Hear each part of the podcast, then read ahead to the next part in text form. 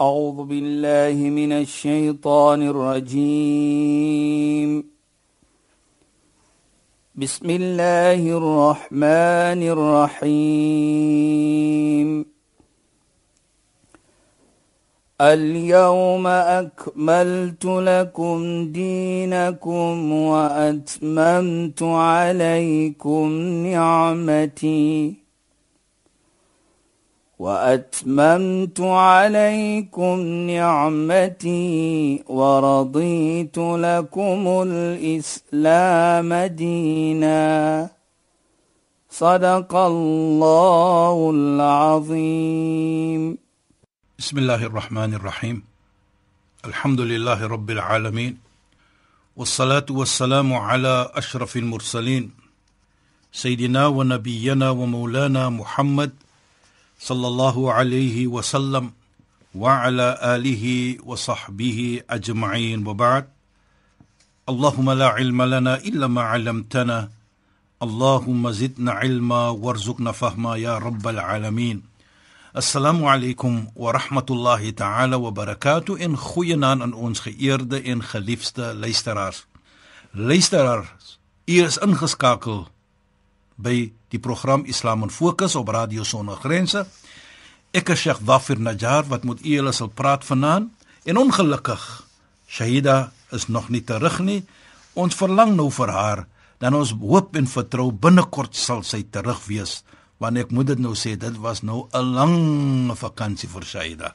Maar in elk geval, Ons het verlede week gepraat van ons gaan verder met die gesegde van Abdullah ibn Umar wat hy gesê het van die heilige profeet. Maar net voor ek daarna toe gaan, wil ek net iets nou praat gou-gou.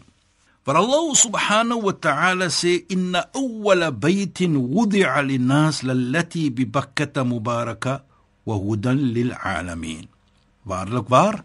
Die eerste huis van Allah wat daar gesit word vir mens om die pelgrimreis te onderneem om te gaan tawaf en om goeie iets te doen ladi bi bakkah mubaraka wat in makka is.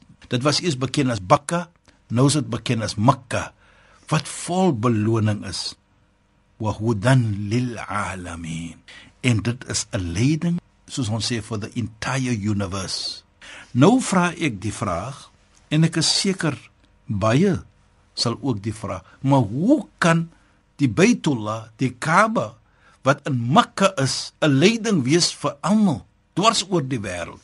Dan sal ons sê dit is wat ons teruggaan wat ons verlede week gepraat het van li yashhadu manafi'a lahum sodat jy kan getuie dra in die Hajj die oomblik jy die Hajj onderneem wat die voordele vir jou is daarin.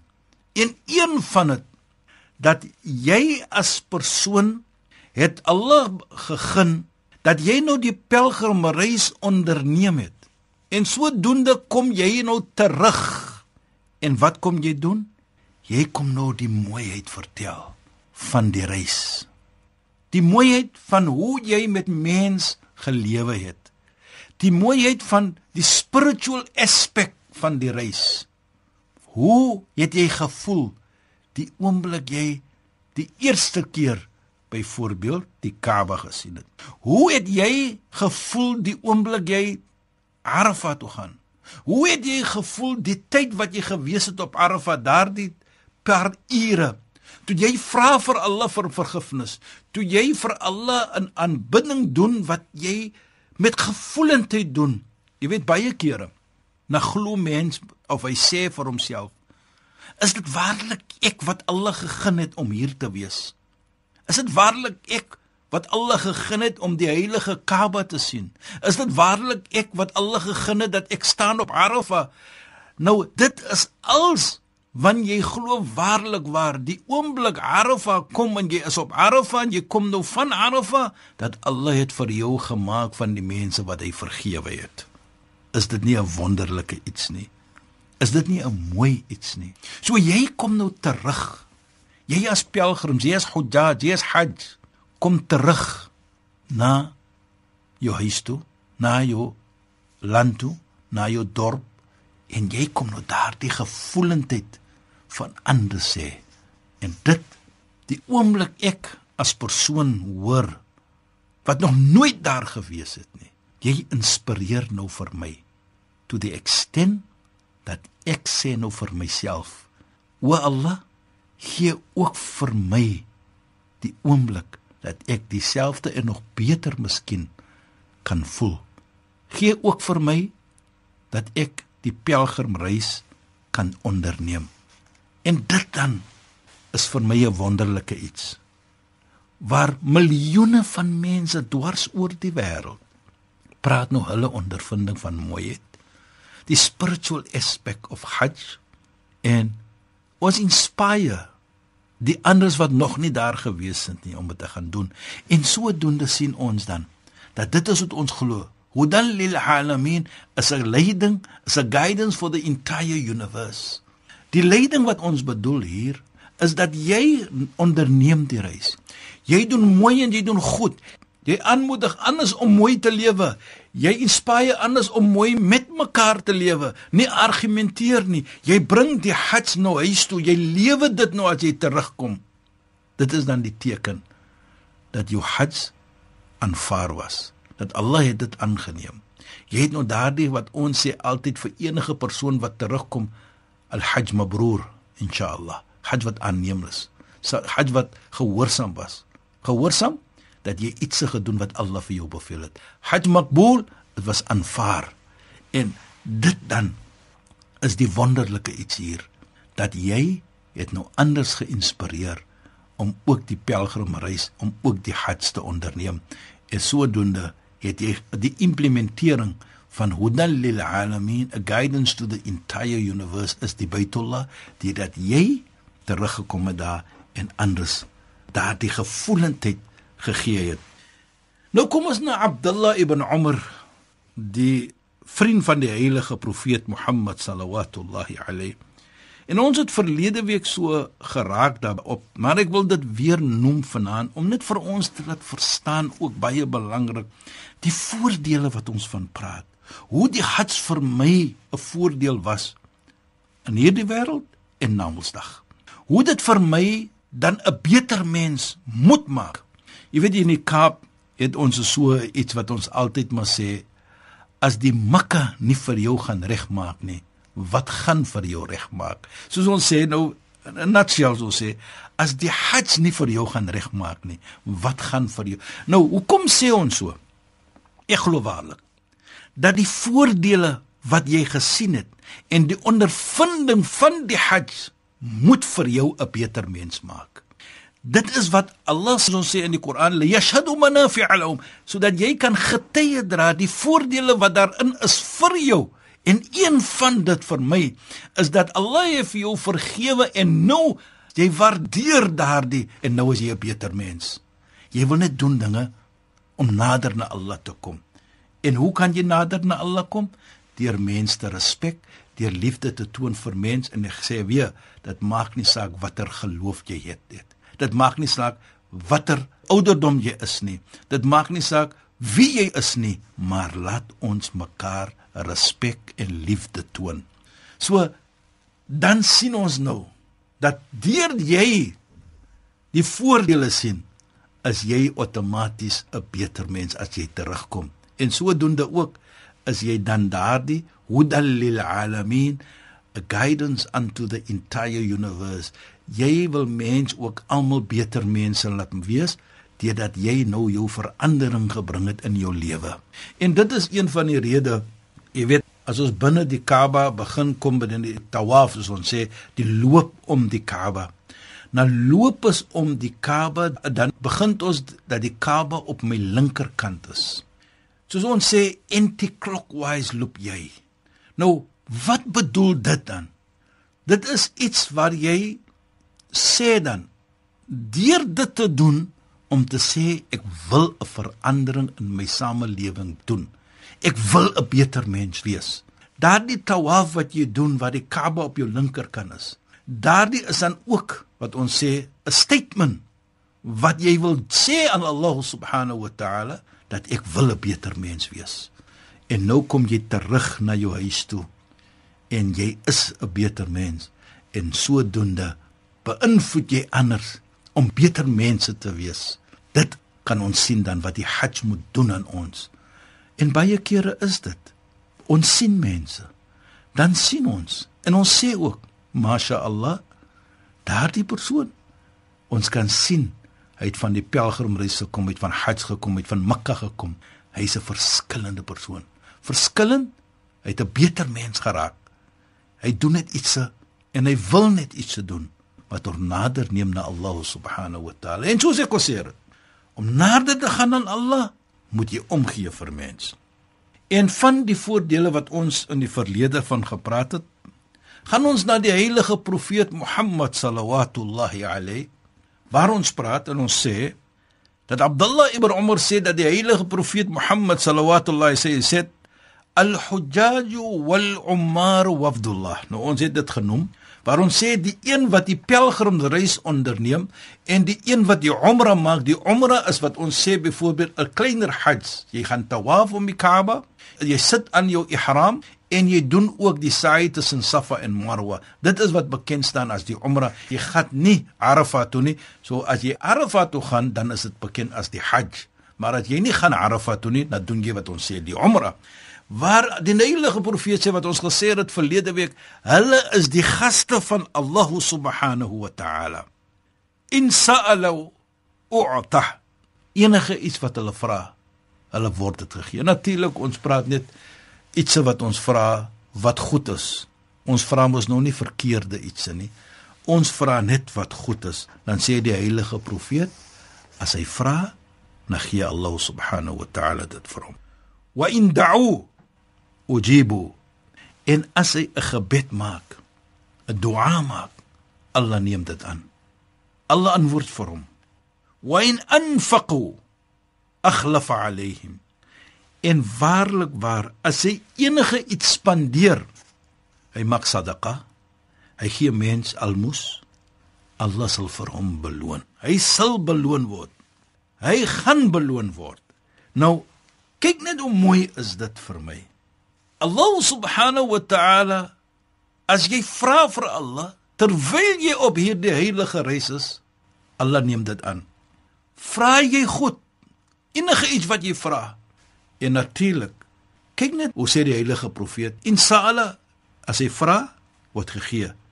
En as hy 'n dua maak 'n gebed maak neem hy dit aan.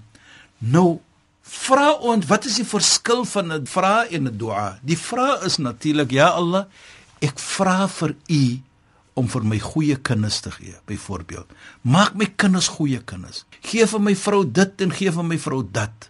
Maar 'n dua is wat jy vra in general byvoorbeeld. Jy vra vir Allah, ja Allah, gee vir my die hemel byvoorbeeld. Ja Allah, gee vir my iets wat ek doen wat my nader na die hemel toe neem. Maar as jy vra na vra jy spesifiek. Jy vra vir jou kinders, jy vra vir jou moeder, jy vra vir jou vader, dat Allah moet dit gee vir hulle. Jy weet herinner dit vir my aan iets. Ek was op Umrah met my vrou en my kinders. En ek het so die jongste seentjie van my wat ongeveer 3 of 2 jaar oud was. Ek dink 3 jaar. Toe vat my oudste seun vir hom en hulle gaan tawaf so omloop om die Kaaba. En hy sê vir hom, "Na nou klaar tawaf het en hy hou hom so naby die Baitullah die Kaaba. Vra vir Allah wat jou hart verlang hoor." Toe hy nou terugkom na die hotel toe wat ons gebly het, toe vra die seun die oud seun vir hom: "Wat het jy gevra vir Allah?" Hy sê: "Ask Allah for a ball." hy vra vir 'n bal. Maar nou, wat ek probeer om te sê, kyk net, dit is spesifiek wat hy vra. Jy het gesê ek moet vra en ek het gevra vir dit. So daar is iets wat ons kan vra. Allah subhanahu wa ta'ala as dit goed is vir ons, hy sal vir ons antwoord. Hy sal dit vir ons gee.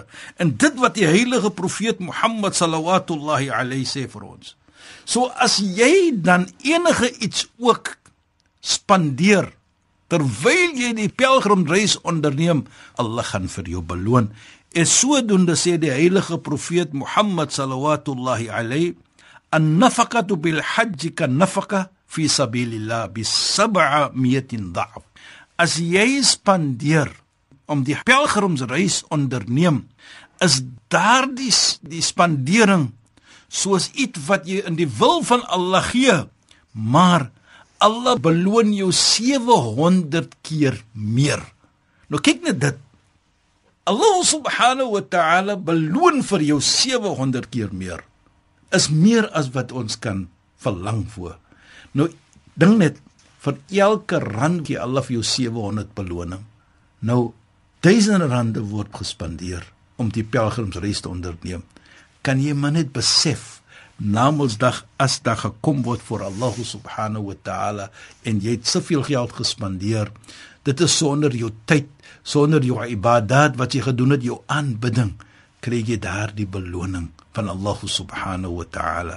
En dit is wat die heilige profeet sê, wa in anfaqu en as jy spandeer, aghlaf alayhi my sal vir hulle beloon. Hy sal vir die persoon beloon. So is nie net ons tyd nie en ons aanbidding wat ons beloning sal kry voor nie maar baie belangrik sal dit ook wees vir die ietsie wat ons spandeer in die weg van Allah subhanahu wa ta'ala waar Allah subhanahu wa ta'ala vir ons natuurlik die beloning gee jy weet baie kere na praat ons van die hajj en die salat en dit herinner vir my ook van hoe ons natuurlik die hajj ook moet aankyk. Dit vat vir my na 'n gesegde van die heilige profeet waar eendag 'n vriend van die heilige profeet Mohammed sallallahu alayhi Abdullah ibn Mas'ud die vriend die profeet sit so met almal van hulle soos gewoonlik is dan sit hy maar met hulle en uh, Abdullah kom na hom toe. En Abdullah vra vir hom ja rasulullah ayyul a'mali afdal? Wa heilige profeet o die boodskapper van Allah subhanahu wa ta'ala ayyul a'mal afdal? Wat is die beste van iets met ander woorde ibadat aanbidding wat ek moet doen? Wat is die beste vir my om te doen die heilige profeet Mohammed sallallahu alayhi sê vir hom as-salatu ala waqtiha is om salat te maak op tyd nie later nie of na die tyd nie. Nee, nee, nee, nee. Maar jy maak sala op tyd. Toe sê Abdullah ibn Umar vir hom. Nou, nou, nou, as ons kyk die sala op tyd natuurlik, ons weet dat uh, Allah sê inna salata kanat ala almu'minina kitaban mawquta waarlik waar die sala is beskryf op ons en dit moet gedoen word 'n sekere tyd. So die Nabi sallallahu alayhi dan sê vir ons dat die beste ibadat en aanbidding wat ons kan doen is om die salat te maak op tyd. Maar dan vra Abdullah ibn Umar agterna toe die heilige profeet. Hy sê thumma ayyun dan wat na dit? Wat is dan die beste? Toe sê die heilige profeet birrul walidain om gehoorsaam te wees vir die ouers. Nou Ons het in die verlede en ek is seker in die toekoms sal ons praat wat Islam praat en hoe Islam praat die belangrikheid van ouers en die gehoorsaamheid van ouers. En hoe dit nou hierin fit by ons se geselskap vanaand. Maar dan sê Nadim alweer vir my mense, geliefde luisteraars, jou tyd is verby sê Nadim vir my. Maar Dit was lekker om van u hulle gepraat het vanaand. En u is ingeskakel by Islam en Fokus op Radio Sonder Grense. Ek is Sheikh Dafir Najjar wat met u hulle gepraat het vanaand. En ek hoop vir ieder en elk 'n lekker nagrus. Wassalamu alaykum wa rahmatullahi wa barakatuh in goeie naam aan geëerde en geliefde luisteraars. أعوذ بالله من الشيطان الرجيم. بسم الله الرحمن الرحيم. اليوم أكملت لكم دينكم وأتممت عليكم نعمتي. وأتممت عليكم نعمتي ورضيت لكم الإسلام دينا. صدق الله العظيم.